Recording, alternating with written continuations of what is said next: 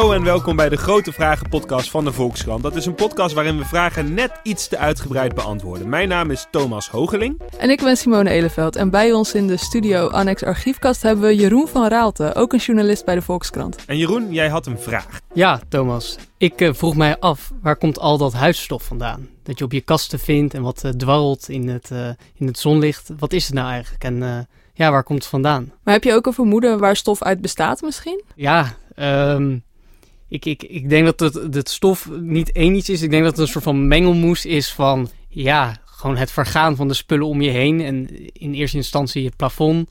Dat ik denk dat er gewoon hele kleine stukjes naar beneden dwarrelen. Je denkt het plafond, want dat zit boven je, dus dan valt het naar beneden. Ja, dat, dat is je gedachte erbij? Dat is een gedachte. Tegelijkertijd, als je naar die stofdeeltjes in het uh, licht van het raam kijkt, dan zie je dat die stofdeeltjes eigenlijk een beetje rondvliegen. Dus die lijken niet zo heel erg last te hebben van de zwaartekracht. Dus misschien ja, misschien komt het ook wel van mijn vloer af naar boven. En uh, je hebt natuurlijk altijd de, het, het, de grote urban myth dat er ook uh, stukjes mensen bij zitten. Ja, dode stukjes mens. Ja. Dat heb ik ook wel eens gehoord, ja. Ik zou het wel het ultieme symbool van de menselijke vergankelijkheid vinden als blijkt dat wat daar op je kast ligt, dat het grotendeels jezelf is. Maar ik vermoed niet dat dat zo is. Nee? Nee, denk, denk ik toch niet. Dat zou ik wel confronterend vinden. Dat er gewoon een dun grijs laagje ja, van je eigen aftakeling daar op de, op de kast ligt. Nee, je, je, associeert het nogal met vergankelijkheid, uh, dat, dat, stof. Ja, het moet toch ergens van afbreken. Ja, ik ben nu dus opeens wel benieuwd. Nu pas? Nou ja, ja, kijk, ik ben geen enorme opruimer of schoonmaker. Dus, dus dat heeft ook wel met enige desinteresse voor dit onderwerp te maken. Dus jouw ideale scenario is dat wij erachter komen dat het totaal schadeloos is als je het laat liggen? Ja, het zou wel lekker zijn. Uh, en we hadden het idee om een beetje stof van de redactie van de Volkskrant te laten onderzoeken. Heb je misschien al een idee wat daar allemaal in zou kunnen zitten? God, ja, al de, de ik denk uh, best wel wat grijze haren of haren überhaupt die hier uitvallen. Nou, ik denk als er ergens stukjes uh, dode mensen te vinden zijn, dan is het wel op de redactievloer. ja. Dus Zeker ja. bij het deel rond de eindredactie, daar uh, kan ik vast een mooi stukje stof. Uh, ja, die luisteren toch niet, dus dat kunnen we wel gewoon hier stellen. Die luisteren geen podcast, die hebben ook nog geen telefoon en zo.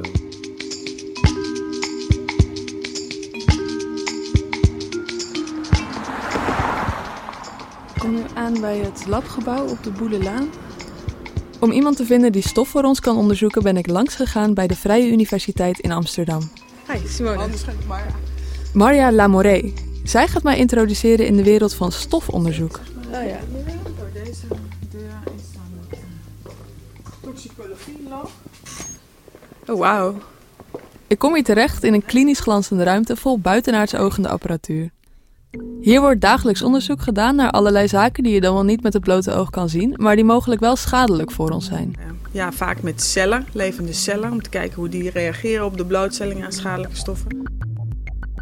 We gaan een bio-essay maken voor het detecteren van reactive oxygen species in water. Aha. Als je door de ogen van Marja naar de wereld kijkt, dan zie je overal potentieel gevaar. Ja, zeker, zeker. Als je op de fiets door Amsterdam uh, fietst. Ik ga zeker niet achter een scooter staan voor een stoplicht. Zeker niet. Ik ga voor hem staan of naast hem staan. Ik kijk ook heel zagrijnig naar hem of haar. en uh, ja, nee, ik ga daar dus echt... Ja, dat, dat is omdat je weet dat dat heel slecht is. Oh, er zijn zoveel situaties waarin dat uh, echt speelt. Met al deze kennis in haar achterhoofd maakt Marja vaak andere keuzes dan de gemiddelde leek zou doen. Zo is achter een brommer fietsen dus uit en boze, maar af en toe in het onderzichtige water van de Amstel springen is helemaal prima. Ook was ze het liefst zo min mogelijk haar handen, maar is regelmatig stofzuigen juist weer heel belangrijk. Dat is omdat stof een belangrijke drager is van allerlei chemicaliën die we onbedoeld in ons huis halen, zoals schoonmaakmiddelen en dingen waar brandvertragers in zitten. En die zitten in bijna alles wat in je huiskamer staat? Of de bloemen. Wat dacht je van bloemen? Ook de bloemen zijn een enorme bron van het binnenshuis brengen van pesticiden. Niets is zo onschuldig als het lijkt. En om erachter te komen of we op de Volkskrant-redactie ook omringd worden door allerlei chemicaliën, heeft een collega van Marja aangeboden een stofmonster uit ons kantoor te onderzoeken. Uh, ja, ik heb dus een stofmonster nodig van de Volkskrant-redactie. En ik wilde eigenlijk gewoon gaan vragen aan de schoonmakers of ik dat uit hun stofzuiger mag halen. Uh, maar toen ik dat probeerde, toen bleek dat ik daarvoor toestemming moet gaan vragen aan het schoonmaakbedrijf dat hen inhuurt. En dat kan natuurlijk zomaar weer een week duren. En ik wil graag morgen dat monster al naar de vuur brengen. Uh, toen stelde mijn eindredacteur voor dat ik zelf gewoon uh, de stofzuiger uit de bezemkast haal. Maar het is natuurlijk een beetje gek, dus ik heb gewacht tot na zes uur. Nu zijn de meeste mensen wel naar huis. Eh, Thomas, kan je even helpen met eh, de stofzuiger pakken? Ja, daar gaan we dan. Ik weet eigenlijk niet waar die staat trouwens, maar dat weet jij Ik wel, ja. ja. Dit is de bezemkast. Eruit. Ja, hij staat helemaal achterin.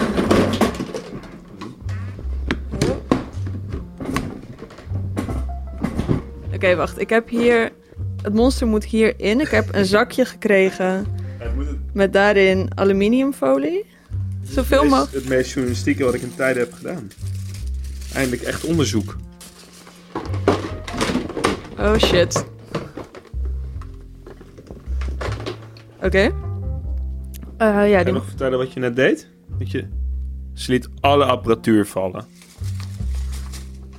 Oh, gadverdamme. ja, pu- eh, puk maar met je handen. Ja, doe maar. Oké, dit is wel genoeg. Ik denk dat we wel genoeg hebben. Je moet je dat weer even er terug inpulken. Oké, we kunnen één, één conclusie alvast trekken. Dat er heel veel haar in zit. Grijze haren, zoals jij eh, voorspelde? Ja, ja, eigenlijk wel. Wat goor. Ik heb nu dus eh, mijn stofmonster. Hij zit in aluminiumfolie in een plastic zakje. En die ga ik morgen langs brengen bij de VU. Dan ben ik benieuwd eh, wat er allemaal in ons stof zit.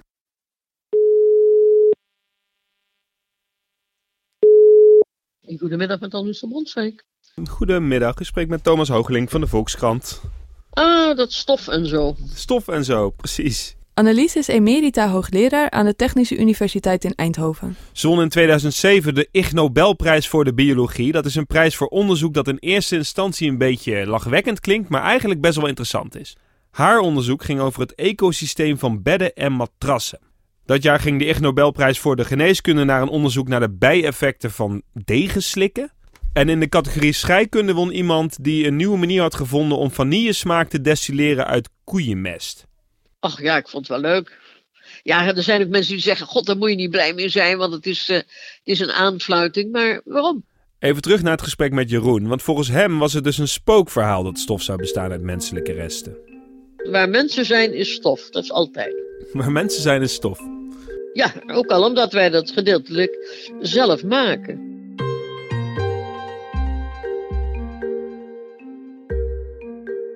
Ieder mens verliest iedere dag zo 1 tot 1,5 gram huidschilfertjes en dergelijke van de eigen huid. Ja, en dat, dat werkt ook als stof. Kijk, wat is nou eigenlijk stof? Hè? Ja, dat wilde u natuurlijk weten. Ja, dat was eigenlijk mijn vraag. Ja, wat, wat, wat is stof eigenlijk? Stof heb je overal. Eh, want het ontstaat bijvoorbeeld, nou, bij mensen ontstaat het doordat onze huid groeit.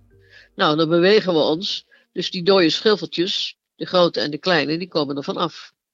Maar ook als je dus eh, er bijvoorbeeld je een, een, ja, een pak aan zou trekken, eh, heel strak en zo tegen je huid en dergelijke, dan zou je nog steeds, als je je beweegt, stof maken, omdat alles wat langs elkaar schuift, kleding bijvoorbeeld, daar gaan, komen altijd kleine deeltjes los. Stof dus. Dus eigenlijk is stof niet meer dan deeltjes die door beweging of, of eh, op een andere manier Ja. loskomen.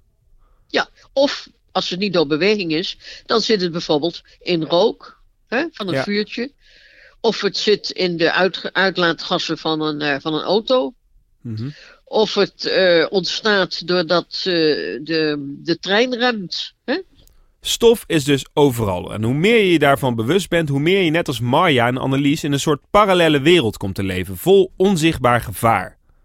Niet alleen vanwege de chemicaliën die zich eraan vastklampen, maar ook omdat stof de favoriete habitat is van de huisstofmijt. En veel mensen zijn dan weer allergisch voor zijn poep. Dus het is toch wel een goed idee om het op te ruimen als ik het zo hoor. Nou nee, zolang het maar ligt, is er niks aan de hand. Als dus het niet in het de lucht zweeft. Hè? Ja, precies, die silaagjes. eh, want dat, is altijd een, dat was ook een vraag die we ons afvroegen. Ja. wat, Ja. wat maakt het nou eigenlijk uit? Want je krijgt altijd, we hebben toch een beetje geleerd door al die reclames op tv en zo. En dan gaat er zo'n mooie Swiffer overheen en is het opeens weer glanzend. Dat ziet er lekker uit. Maar kunnen we het niet gewoon laten liggen? Nou ja, het zou kunnen, maar dan moet ik weer dan regelmatig eh, even besproeien, hè, dat het blijft liggen. Oh ja, ja. Nog zoiets in die parallele wereld van de stofonderzoekers. Ze zijn er gek op regen. Of liever gezegd, luchtvochtigheid. Daardoor wordt het stof namelijk zwaarder, waardoor het wat minder in de lucht hangt en je het minder makkelijk inademt. Het helpt trouwens ook al enorm om zo nu en dan een raampje in je huis open te zetten. Terwijl we nog steeds wachten op de resultaten van de Vrije Universiteit, heeft Annelies alvast iets voor ons wat we wel zelf kunnen doen. Een test waarmee we kunnen meten hoeveel huisstofmijt er in ons stof zit. En dan zou ik vooral stof nemen in eerste instantie wat eh, op ehm, stoelen en zo zit, die met textiel bekleed zijn. Oh ja, Want daar zit, daar zit je op, daar komt jouw zweet in. En dat vinden die meiden veel prettiger dan de vloer. bedden zou ook wel een goede zijn dus. Ja, bedden, Ja. ja, oh, bedden, zijn uitstekend. En als je dan een bed neemt, dan krijg je dus meeste eh, beestjes, als je, meestal legt men onder het matras nog een soort beschermer, hè? Ja, klopt. bescher- klopt. Ja, Ja. nou ja, dat is geweldig hoor, dat barst van de beesten. Ja? Ja, nee, dat gaat heel goed. En dan, wordt hij daar dan ook een beetje vrolijk van? Ik, eh, ik vind beestjes wel mooi natuurlijk, ja, ja, ja.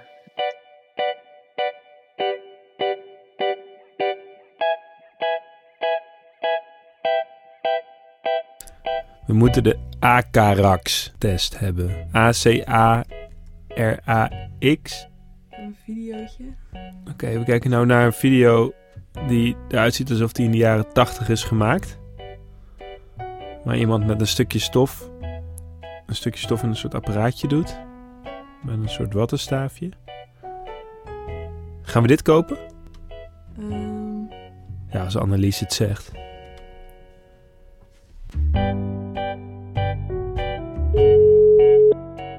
Hi, met Marja. Hey, met Simone. Hallo. Hey, ik zit hier met eh, Thomas. Hallo. En we zijn eh, heel benieuwd naar de resultaten van het onderzoek. Ja, nou, wat er tot nu toe in gemeten is, dat zijn eh, de broomhoudende brandvertragers en ook de organofosfaat-brandvertragers. Juist, dus. Brandvertragers. Die zitten, zoals we al zeiden, in vrijwel alles wat je je huis of kantoor binnensleept. In geval van brand is dat een prettig idee, maar deze chemicaliën zitten dus ook al snel in je stof. Dus ook bij ons op de redactie. En nou is het beeld wat we bij jullie eh, stofmonster van het eh, kantoor eh, zien. nou ja, dat bevestigt inderdaad dat die broomhoudende brandvertragers, die echt toch wel heel schadelijk waren in de tijd, eh, dat die er bijna niet in zitten. Dus dat is eh, voor jullie heel goed nieuws, denk ik. Maar wat er bij jullie wel heel interessant was, en dat is wel anders dan in de rest van Nederland, is dat er één een ja, verbinding die uit de drie verschillende isomeren bestaat. Dus dat zijn eigenlijk drie eh, conformaties eigenlijk van hetzelfde molecuul. En dat is ehm trischloorpropylfosfaat, TCPP of TCIPP. Dat zit er ook vele malen hoger in dan alle andere stoffen. Eh, en ook dus veel hoger dan in de rest van Nederland. En wat betekent dat? Ja, wat betekent zoiets nou eigenlijk? Want we ademen die chemische troep waarschijnlijk al jaren in. En we worden niet overdreven vaak ziek of zo. Dus zoveel kwaad kan het dan toch niet? Maar helaas werkt dat in de praktijk niet helemaal zo. Bijvoorbeeld met die oude broomhoudende brandvertragers. Na uitgebreid onderzoek bleek dat die toch wel echt giftig zijn en daarom zijn die nu verboden. Daarna kwam er een nieuwe stof op de markt die net weer een beetje anders is dan die oude en daarom wel aan de wetgeving voldoet. Helaas is het tot nu toe eigenlijk bijna altijd zo dat door wet en regelgeving die niet helemaal adequaat is, ook de vervanger op termijn niet helemaal eh, zonder eh, risico eh, blijkt te zijn. Ja, want die TCPP die bevat dus bijvoorbeeld ook chloor. En dat is eigenlijk een soort neefje van die broom die ze net verboden hebben. Weet je, ik denk dat een stof als TCPP, eh, die wil je gewoon eigenlijk niet eh, dag in dag uit inademen. En moeten we dan misschien soms gewoon een raampje openzetten? Dat lijkt me wel een heel goed idee. Oké, want dat kan dus niet op onze redactie. Nee, dat kan bij ons ook niet. Nee. Nee, nee dat is, vind ik ook heel slecht van eh, gebouwen tegenwoordig. Weet je, je kan zeggen van dat het natuurlijk wel geventileerd wordt. Maar het is ook wel zo dat de lucht dan door allerlei machines geleid wordt. Waar misschien juist onderdelen in zitten waar dan bijvoorbeeld dit soort brandvertragers uitkomen. Weet je, door, eh, ja, zodat ze eigenlijk actief verspreid worden. Echt het allerbeste ventilatie is gewoon eh, je raam openzetten. Maar ja, dat kan dus in steeds minder eh, gebouwen. Dat is heel slecht, ja.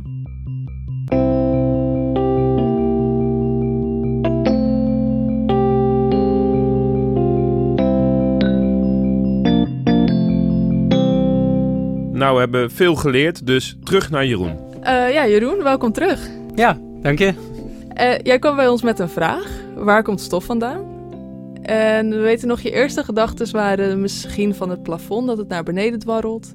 Of van de muren, van de vloer, omdat de zwaartekracht ook niet zoveel effect lijkt te hebben. Maar je dacht in ieder geval geen kleine stukjes mens. Daar hoopte ik vooral op. Dat het, eh, dat, dat we mee zou vallen, inderdaad. Dat ik mezelf niet van, eh, van mijn kast af zou vegen. Ja. Voel je hem al een beetje aankomen? Ja, ik voel me heel erg aankomen. ik, ik zie het ook aan jullie grijnzende gezichten. Dus eh, ik probeer me alvast een beetje in te dekken. En terecht, want je veegt dus wel degelijk een laagje van jezelf die kast af. Vermengd met wat chemicaliën. En nu gaan we die test van Annelies doen en dan gaan we kijken of er ook poep van de huisstofmeid bij zit. Ik heb op jullie verzoek eh, in, eh, ja, in een aluminiumfolie wat stof van mijn eh, boekenkast afgeveegd. En eh, dat heb ik heel onhandig verpakt. Dus ergens midden in deze bol zit een, eh, zit een hoopje stof. Van Nou. mens, hoe je het wil, wil zien. Ja, we hebben hier dus een, een, een, een plastic bakje met, met een soort van ook zilverfolie-achtige, lijkt een soort van condoomverpakkingjes, anders kan ik het niet omschrijven. Eh, wat zit daar dan in? Eh, nou, dat ga je. Dat is een, ook- Je hebt nu de gebruiksaanwijzing, dus. eh, Ja, wat de bedoeling is, is dat je met, een, met het kleine lepeltje doe je de stof. Ja, oké, je hebt hem eigenlijk stiekem al een beetje vastgehaald. Maar goed, Ja. met het lepeltje doe je hem in dat, dat, dat ronde inkepingje daar. Daar rechts, eh, hier zo. Het klinkt makkelijker dan het is bij stof. Zo. Aansluitend omroeren. Ik neem aan dat dat dan met het, ook met het schepje moet. Het is nu de bedoeling dat we zo'n teststrip pakken het buisje. Dipstick staat erop. Hij is Kort nat. in het mengsel en vergelijk na één minuut het kleurenoverzicht. Dus nu moeten we een minuut wachten. Ja. Dus we hebben wel weer een minuut podcasttijd gevuld. Of gaan we dat knippen? Nou, volgens mij hebben we wel een minuut gehad, hè? Ja. Ja. Nee. Nou, dan moeten we hem hier langs houden. Mhm. Ja, het lijkt op de onders. Je hebt in totaal zes kleuren hier op het eh, formuliertje staan. En drie eh, zijn one. En vanaf dan heb je zwak, gemiddeld tot eh, sterk. En eh, nou ja, het valt mee. Ik zit in de, in de categorie zwak. Ja, dus dan de volgende keer dat je dan je vinger langs het raamkozijn haalt en je hebt zo'n klein zwart rolletje verzameld. Eh, we denken dat dan heb je dan dus een beetje mens, een beetje brandvertrager. Een beetje poep van huisstofmeid ook nog. Kan je nog een beetje normaal schoonmaken met deze kennis? Zeker, er zijn denk ik ergere tegenslagen voor te stellen dan dat er stukjes mens op je kast liggen.